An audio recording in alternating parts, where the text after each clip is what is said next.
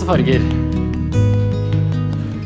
Lysets barn, altså vers 1 til 14 har jeg satt som en, eh, et skille, da.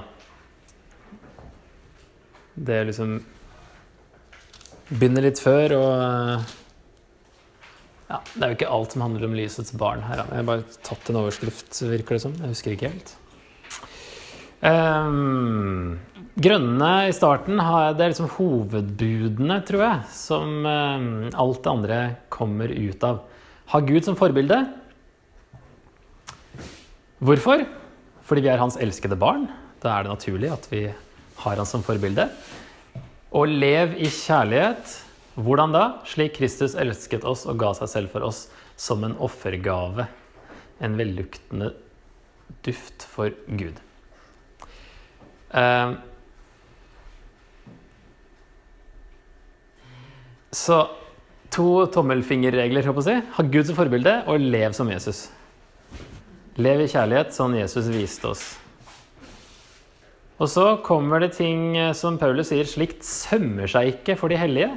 Hvorfor sømmer det seg ikke med f.eks. hor, all slags urenhet og grådighet? Må det ikke engang være, være tale oss tale om hos dere. Slikt sømmer seg ikke for de hellige. Hvorfor sømmer det seg ikke med sånne ting? Det er ikke noe som Paulus bare finner på, at det her sømmer seg ikke for kristne. Vi må være sånn og sånn. Det er fordi vi skal ha Gud som forbilde. Derfor er Guds karakter det som måler eh, det som sømmer seg og ikke. Altså, det som er blått her, det er veldig mye snakk om, om ord. Eh, tale, sier han først. Da. Det må ikke engang være tale om hos dere. Eh, rå ord, tåpelig tale, grovt snakk er også upassende. Si heller takk til Gud. For dere skal vite at ingen som driver hor, lever i urenhet eller er grådig, skal arve Kristi og Guds rike. Dette er jo avgudsdyrkelse. Det er i hvert fall grådighet som man ofte kobler sammen til avgudsdyrkelse andre steder. La ingen narre dere med tomme ord, for slikt gjør at Guds vrede rammer de ulydige gjør ikke felles sak med dem. Tomme ord gjør at Guds vrede rammer de ulydige. Det var da voldsomt. Hva er disse tomme ordene? Det må ligge noe inni hva tomme ord er. Det er ikke bare at vi sier et eller annet som ikke har noe innhold til hverandre, og det gjør at Guds vrede kommer. Men uh, i konteksten her, og han går jo videre med å snakke om uh, en gang var dere selv mørke, og uh, mørkets gjerninger som folk driver med i det skjulte, det kan òg være disse, for disse mysteriekultene som var sånn i det skjulte og var mørkets gjerninger, da, som kanskje er faktisk det de ble narra med.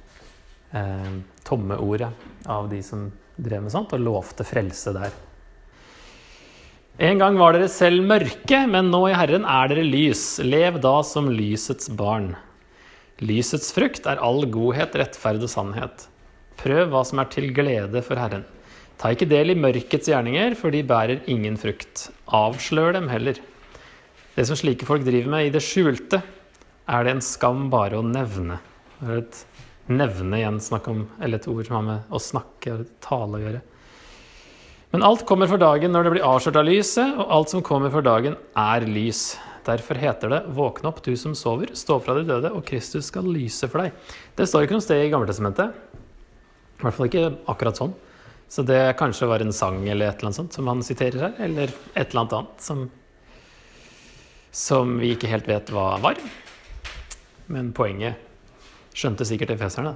Det skjønner jo vi òg, selv om vi ikke vet akkurat hvor den henter det fra. Det er mye her som eh, er veldig generelt. Hva er rå ord og tåpelig tale og grovt snakk? Eh, jeg tror det var forrige Nei, det, som er, det som oversettes grovt snakk, det også, kunne også bety sånn vittigheter.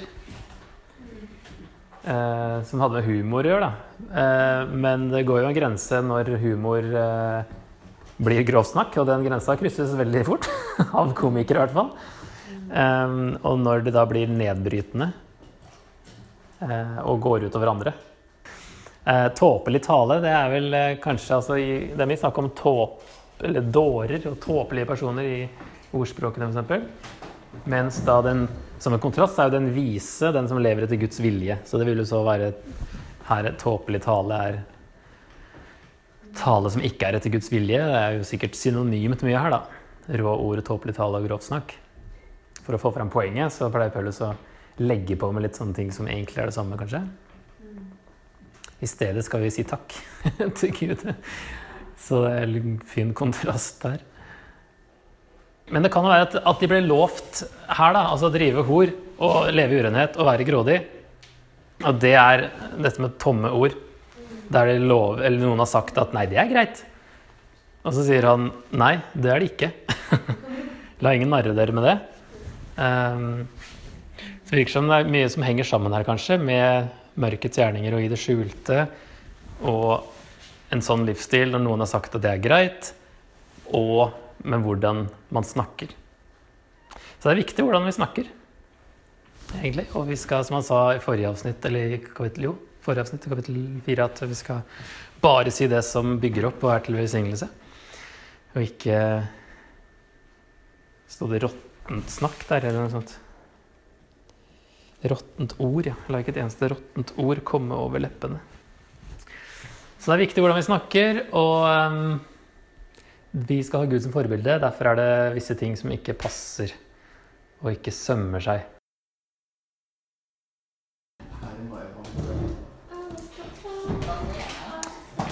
Ok. Da skal vi se på eh, eh, hvordan leve ut evangeliet i ekteskapet. Så jeg har eh, Her i oversettelsen her så har de overskrift før vers 21, der det begynner med 'Vær hverandre underordnet' i ærefrykt for Kristus. Dere kvinner underordne dere ektemennene deres, osv. Eh, men jeg tror det er nyttig å starte det avsnittet her litt lenger opp, fra vers 15. Eh, nå har jeg jo ikke markert noen ting her ennå, men vi skal bare lese gjennom først. Og så, og så skal vi se på masse farger etterpå. Så jeg tror eh, Ja, det er jo en glidende overgang fra det forrige, da, men jeg tror det er greit å starte på vers 15 her. Pass derfor nøye på hvordan dere lever Altså i lys av det han har sagt om lys og mørke. Eh, det å leve i lyset, derfor pass nøye på hvordan dere lever. Det må, være, det må leve på en måte som tåler lyset. Og ikke som ukloke mennesker, men som kloke. Så dere bruker den dyrebare tiden godt, for dagene er onde. Vær ikke uforstandige, men forstå hva som er Herrens vilje. Drikk dere ikke fulle på vin, det fører til utskeielser. Bli heller fylt av Ånden og syng sammen, la salmer, hymner og åndelige sanger lyde. Syng og spill av hjertet for Herren. Takk alltid vår Gud og Far for alt i vår Herre Jesu Kristi navn. Vær hverandre underordnet i ærefrykt for Kristus. Dere kvinner, underordne dere ektemennene deres som under Herren selv. For mannen er kvinnens hode, slik Kristus er kirkens hode. Han er frelser for sin kropp. Som Kirken underordner seg Kristus, skal kvinnene underordne seg sine menn i alt. Dere menn, elsk konene deres slik Kristus elsket kirken og ga seg selv for den, for å gjøre den hellig og rense den med badet i vann, i kraft av et ord. Slik ville han selv føre kirken framfor seg i herlighet, uten den minste flekk eller rynke. Hellig og uten feil skulle den være. På samme måte skal også mennene elske sine koner som sin egen kropp. Den som elsker sin kone, elsker seg selv. Ingen har noen gang hatet sin egen kropp. Nei, man gir kroppen næring og pleier den på samme måte som Kristus gjør med kirken. For vi er lemmer på hans kropp. Derfor skal mannen forlate far og mor og holde fast ved sin kvinne, og de to skal være én kropp. Dette er et stort mysterium. Jeg tenker på Kristus og kirken. Men det gjelder også hver enkelt av dere. Hver mann skal elske sin kone som seg selv, og hun skal ha respekt for sin mann. Siden han lager den teologiske begrunnelsen da, med, med, at det skal speile i Kristus og menigheten, um, så er det noe som tydeligvis er litt mer enn bare kulturelt. Um, og som fortsatt er, eh, skal være en forskjell mellom uh, mann og kone. Selv om det i Kristus og i altså, Det har ikke noe med, med forskjellig verdi eller noe sånt å gjøre, men det er forskjell på kjønn og forskjellig funksjon da, i ekteskap. Og det som er litt interessant med hvordan Paulus sier det her på Han sier jo ikke til mennene at eh, dere må få koden deres til å underordne seg dere. Men han sier det til konene. Og han kommer etterpå med bud til barn og til slaver, som var veldig uvanlig. Dette er jo noe som heter hustavler, eller det er jo Luther som fant på det ordet. da. Men eh, det var noe som fantes allerede hos jøder og hedninger. Var sånn hvordan man, man skulle styre huset. Eh, og i gresk-romersk kultur så var det da først og fremst hvordan husets herre skulle styre og utøve sin autoritet mot alle de andre. Kone, barn og slaver ble ofte sett på som en del av hans eiendom. Så som regel så var det han som fikk sånne bud om hvordan han skulle da styre de andre. Her gjør Paulus noe helt nytt med å henvende seg til alle de forskjellige. Og egentlig snur han autoriteten til mannen helt på hodet med å si at han skal være villig til å dø for kona si. Det var fullstendig revolusjonerende å, å si. Og for oss så er det bare sånn eh, Vi henger oss opp i feil ting i den teksten her, tror jeg. Det er andre ting som var helt sprøtt å si når Paulus kom med dette her. Ja, og tatt ut av sammenheng. Vi har tatt bare de kvinneversene, og ikke tatt det som absolutt hører med i sammenhengen, hvordan mannen skal være. Og det er misbruk av Bibelen, faktisk. Av, hvis det er misbruk av noe som helst. Noen jødiske eksempler på eh, sånne hustavler det finner vi hos en som heter Filo, som skrev at konene må tjene sine menn som om de var slaver. På, han levde på Jesu tid ca. Og Josefus, som, også var historiker, var historiker, også på Jesu tid, sier at konene må være lydige. Så det var liksom noe som var eh, egentlig i alle settinger. Så det er egentlig det Paulus kommer med her. Eh, det spørsmålet som var inne på, Hvordan skal de forholde seg til hverandre når alle er like i Kristus? Hvordan henger det sammen? Og som sagt, veldig uvanlig med barn til, nei, bud til barn, slaver og kvinner. Eh, jeg tror vi må da gå helt tilbake til egentlig vers 1 og 2, som vi så i stad, dette med å ha Gud som forbilde. Dere som er hans elskede barn, lev i kjærlighet slik Kristus elsket oss og ga seg selv for oss som en offergave, en velluktende duft for Gud. At det tror jeg er eh, rammen for eh, dette her. Altså vi skal leve i kjærlighet, leve ut evangeliet og ha Gud som forbilde, også i ekteskapet. Og så prøver Paulus å forklare hvordan det eh, bør se ut. Tjene hverandre, ofre seg for andre. Så her har jeg understreket det som da står som bud i den norske, i hvert fall den oversettelsen her. Da er det ganske mange sånn direkte bud som Paulus kommer med. Eh, og så syns jeg det er alltid interessant å se på hva Paulus egentlig skrev som bud på, på gresk, da, siden det er så mange måter å gjøre det på der. Men eh, hva som er direkte såkalt imperativ, som er her, ikke sant? takk, syng, la, eh, bli. Sånne kommandoer. Det er, det er veldig, eller mye færre, som regel, hos Paulus. Og så skriver han andre Sånn ser det egentlig ut. Så har han andre måter å skrive resten på. Sånn at det siste han egentlig kommer med som et bud, er å bli fylt av Ånden. Og så er alt det neste er faktisk henger sammen i samme setning og er underordna den kommandoen eller det budet der. Blir fylt av Ånden. Eh, det er det samme som skjer her oppe egentlig når det er oversatt 'så dere bruker'. For det egentlig sier Paulus der da 'pass nøye på hvordan dere lever'. Brukende den dyrebare tiden godt. Hvis du tenker sånn oversatt fra engelsk. Using, eller making use of the time. Ikke sant? Ing-form på engelsk. På norsk kan man si brukende. og det er det samme her. Blir fylt av ånden. Syngende sammen. Så dere synger, kunne de oversatt det samme. Så dere synger, lar salmer, hymner og åndelige sanger lyde. Så dere synger og spiller av hjertet for Herren. Så dere takker Gud. Så dere er hverandre underordnet. Dere kvinner under mennene deres. Han gjentar ikke det ordet. Men det, henger fortsatt sammen med å bli fylt av ånden. Da underordner man hverandre underordner man seg hverandre. Eh, Og for kvinnene så betyr det under ektemennene som under Herren selv. Og så en forklaring til det. Og så kommer det et nytt bud her til mennene. Deres, dere menn, elsk konene deres. Konene får ikke noe bud, egentlig, om å underordne seg.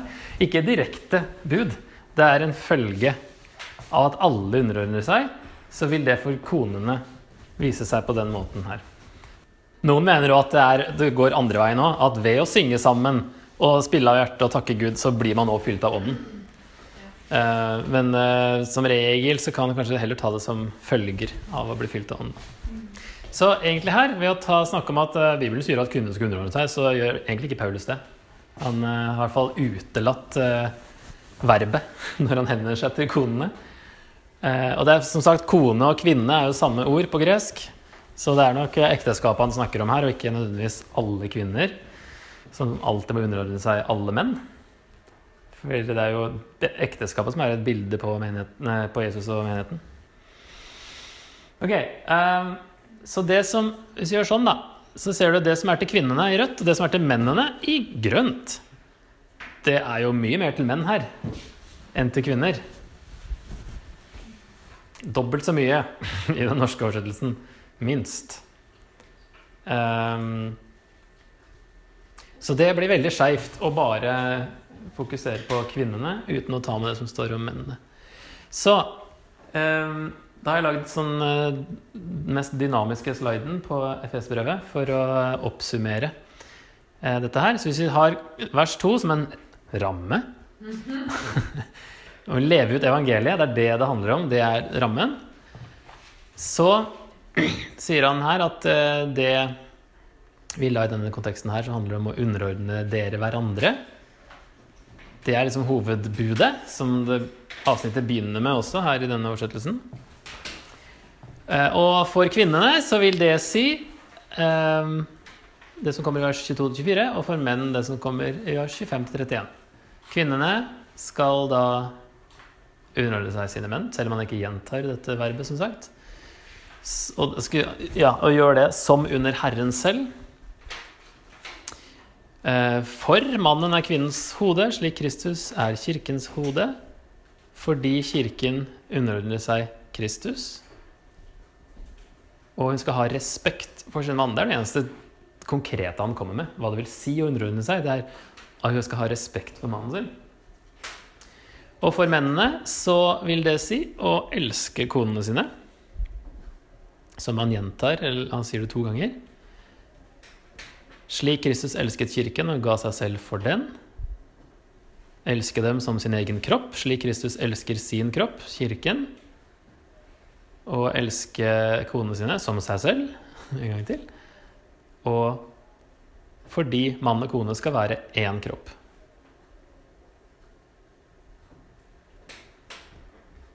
Og så, hvis vi tar disse to det som er til eh, menn, og det som er til kvinner, eh, så er jo det teologiske poenget til Paulus er at ekteskapet skal peke på forholdet mellom Kristus og kirken, og derfor snakker han om eh, at altså mannen får Kristusrollen, og, og kona får menighetrollen som Kristi brud. Og da blir jo også eh, likekjønna ekteskap blir jo en forvrengning av eh, dette bildet her. Som Paulus eh, har en teologisk grunn for å, for å, skrive. Eller for å forklare det sånn på den måten. Spørsmålet her er jo eh, Eller nei, det kommer kanskje hvor jeg har litt, kommer litt etterpå. Fordi, uh, hvis vi går litt videre, så er jo spørsmålet vanligvis hva betyr det at kvinnene skal underordne seg? Ikke sant? I vår dag eller vår kultur. Her nevner han bare han skal ha, skal ha respekt for sin mann. Og så sier han ikke noe mer. Og så er våre ekteskap litt annerledes enn eh, på Paulus sin tid. Og for Paulus så var det nok veldig uh, Trengte ikke å skrive så mye om det, fordi alle visste hva det ville si å underordne seg. Eh, det, hvordan det så ut i samfunnet når kvinnene da underordna seg mannen sin. Så han trenger ikke å si så mye mer enn 'ha respekt'. Eh, men når vi skal stille oss eh, dette spørsmålet her, hva betyr det at kvinnene skal underordne seg, så tror jeg heller vi må spørre Hva betyr det at mannen er kvinnens hode? det er viktigere for å forstå hva underordning betyr, tror jeg. Ehm, fordi det samme ordet brukes vanligvis ikke som en metafor for autoritet i det greske Gammeltestamentet, når de skulle oversette det hebraiske ordet for hode. Så brukte de et Altså for eh, hodet som i autoritet, sånn eh, høvding eller sjef for en eh, Altså overhode, da. Så brukte de ikke dette ordet her. Dette her er fysiske ordet for hodet, som Paulus bruker. Mens eh, vanligvis så brukte de da annen, et annet ord som var mer sånn leder eller fremste eller eh, Ja. Som da vi kan nå oversette med overhode. Men eh, det ordet her er ikke det vanlige ordet for en som har autoritet. Så hva slags hode er Kristus for kirken? Eh, og Det eneste han sier, er jo at han er en tjenende leder. Hvis han i så fall er en leder, det er han jo. Men han er en tjenende leder som ga seg selv for kirken. Og som jeg nevnte, så definerer ikke Paulus mannens posisjon i forhold til kona fordi han trolig ikke trengte det, siden det var tydelig i kulturen. Sier bare når det gjelder rent konkret, at kona skal ha respekt for sin mann. Så det vi vet Vi vet ikke noe mer enn det, ut fra efeserne i hvert fall. Det vi vet eh, sikkert, er at i Bibelen så er et hode er en som tjener. Det er jo det eksempelet Jesus ga oss. ikke sant? Ved å tjene oss og dø for oss, så er det tjenen, et tjenende hode mannen skal være. ikke sant? Derfor skal han nå være villig til å dø for kona si. Eh, når han får denne Kristus-rollen, da. Så det her må være med. Hva slags hode er Kristus? Det, her, det kan ikke brukes det her som, eh, for å legitimere at mannen skal sjefe over kona, hvis man ikke da først definerer at Jesus sjefer over menigheten og eh, bosser oss rundt. Så det må være en eh, analogi der, en forbindelse. Parallell. Ja, der det, blir, der det blir vanskelig å overføre det her, og der har jeg ikke noe svar. Jeg pleier å bare la folk diskutere når vi kommer til det punktet her. Eh, fordi det er eh, eh, Det er jo en teologisk begrunnelse for at mannen skal være hodet, men Paulus definerer ikke så mye mer hva det vil si. Det er jo en tjener, og så skal vi alle underordne oss hverandre, men likevel at det er en forskjell i ekteskapet mellom mannen og kona, det er bibelsk. Men hvordan det ser ut i ekteskap i Norge i dag, det eh, er kanskje individuelt og kanskje ikke synlig. Fordi vi har samme utdanning og samme levekår, å si. Eh, muligheter, da. Jeg tenkte å ta med noen vers som jeg leste i mitt eget bryllup, som er fra de versene her i eh, The Message. Der han skriver til mennene Husbands, go all out in your love for your wives, exactly as Christ did for the church. A love marked by giving, not getting. Christ's love makes the church whole. His words evoke her beauty. Everything he does and says is designed to bring the best out of her, dressing her in dazzling white silk, radiant with holiness. Som jeg uh, synes var veldig bra, og som jeg trenger å bli mina på, kjenner jeg. At uh, Det tror jeg alle gjør. Men uh, da, blir, da, blir, det jo Da får du jo tillit til en mann som tar dette her seriøst. Så er det ikke noe problem å vise respekt, i hvert fall. vi, men vi er underordna hverandre, og det gjelder jo alle i menigheten òg. Vi skal tjene hverandre. Ok, men Ved å frese gjennom Jeg tror kanskje vi bare må hoppe over barn og foreldre og slaver og gå til rustningen, hvis vi skal få tid til det. Eh, vi, kan vi kan ta ja, Det han sier om slavene, da, vi kan lese vers 4-9 i kapittel 6. Dere slaver, vær lydige mot deres jordiske herrer som mot Kristus selv. Jeg har markert i grønt det som er sammenligninger. Så de skal være lydige mot deres juridiske herrer, som mot Kristus selv. Der får vi igjen en sånn Jesus er med hele veien i hvordan de skal leve livene sine. Ok, Vi må ta menn, nei, foreldre først, da. For de skal være lyd, barn skal være lydige mot foreldrene deres i Herren. Og foreldrene skal gi dem omsorg, eh, så de får en oppdragelse og rettledning som er etter Herrens vilje. Så Jesus er med både eh, til ekteskap og til barn og til foreldre. Eh, de skal gjøre det i Herren. Og så er det da slavene som skal være lydige mot deres jordiske herrer som mot Kristus selv. Som om han var deres jordiske herre. Med respekt og ærefrykt og av et oppriktig hjerte. Vær ikke øyentjenere som bare vil gjøre mennesker til lags, men Kristi tjenere som helhjertet gjør Guds vilje. Så det er liksom Gud og Jesus de skal være slaver for. Gjør tjeneste med et villig sinn. Det er Herren og ikke mennesker dere tjener. Med å være slaver. Og dere vet at Herren skal gi hver enkelt igjen for det gode han gjør, enten han er slave eller fri.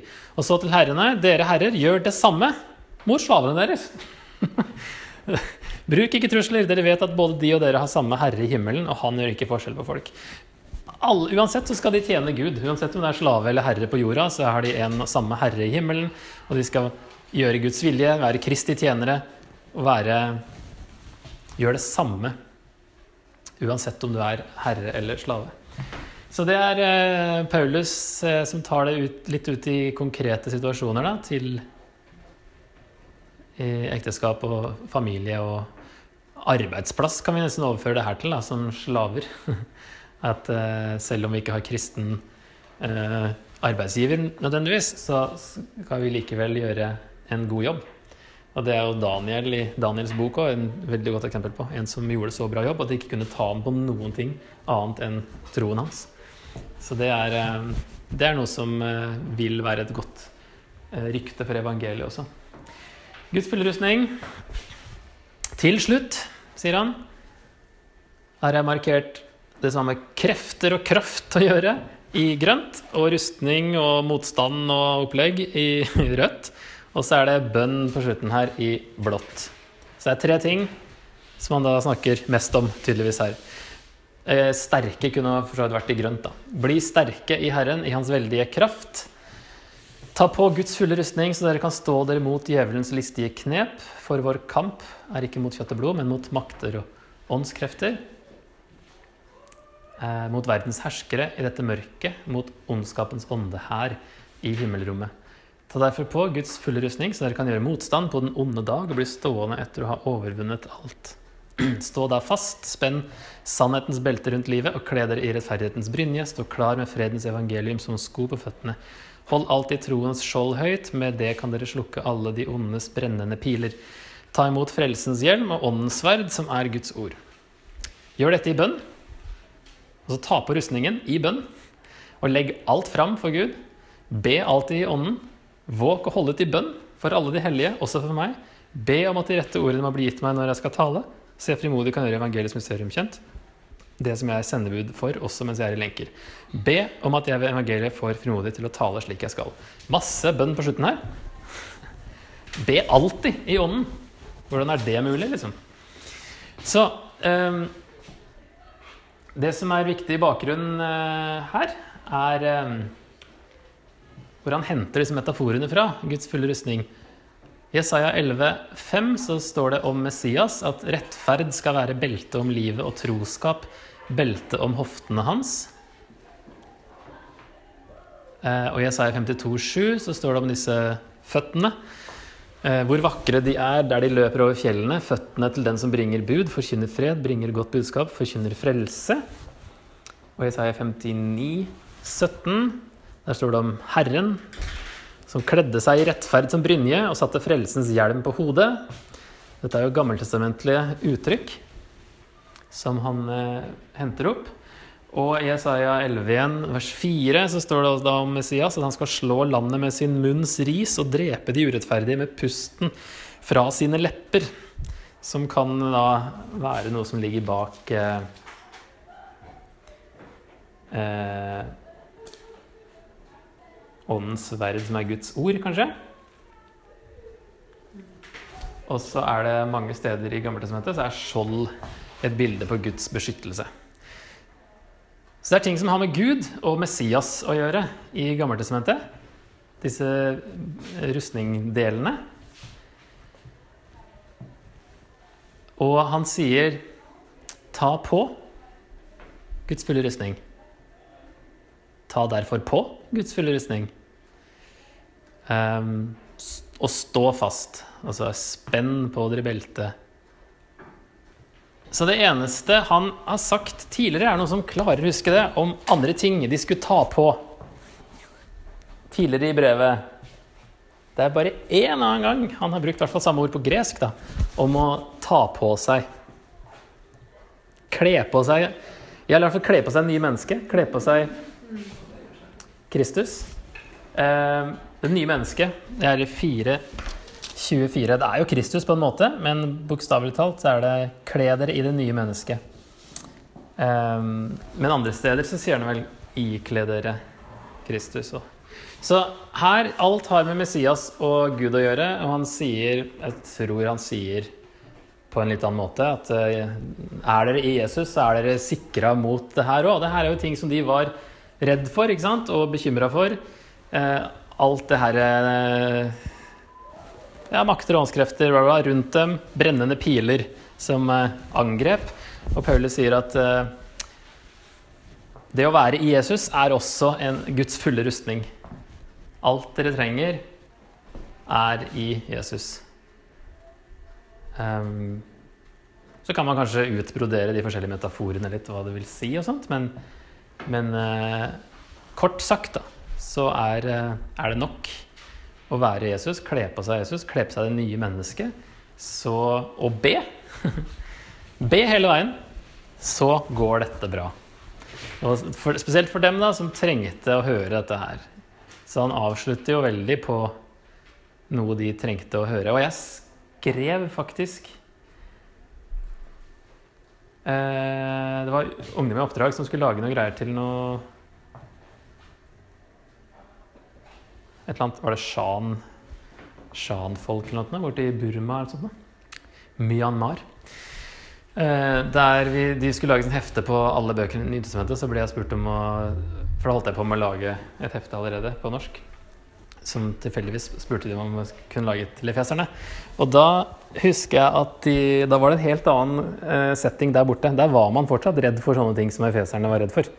Så det var liksom en helt annen uh, Fikk nok en annen betydning, dette, de versene her, når man lever oppi sånn okkultisme og ånder og krefter og sånne ting. at dere har alt dere trenger i Jesus. Som han egentlig begynte brevet med òg. Den åpninga med alt vi har i ham. Så har vi òg denne rustningen. Beskyttelse. Eh, da rekker vi en oppsummering så vidt. Så for å oppsummere brevet så sier Paulus vi har all åndelig velsignelse i Jesus pga. Guds store nåde, og vi trenger ikke streve etter dem. Vi sitter i himmelen sammen med Jesus og trenger ikke frykte noen åndelige makter. Vi er alle frelst av nåde ved tro som en gave, og at vi i kirken er forent med hverandre og med Gud uansett bakgrunn. Og Gud selv bor i oss. Det bør motivere oss til å leve verdige liv. Og det vil si leve i enhet med hverandre Slutte med det som ikke passer med Guds karakter og vår nye identitet. Med Guds hjelp, selvfølgelig, til det. Leve ut evangeliet i alle våre relasjoner. Ekteskap og familie og arbeidsplass. Eh, be og bli styrket i Gud til å stå imot åndelige angrep.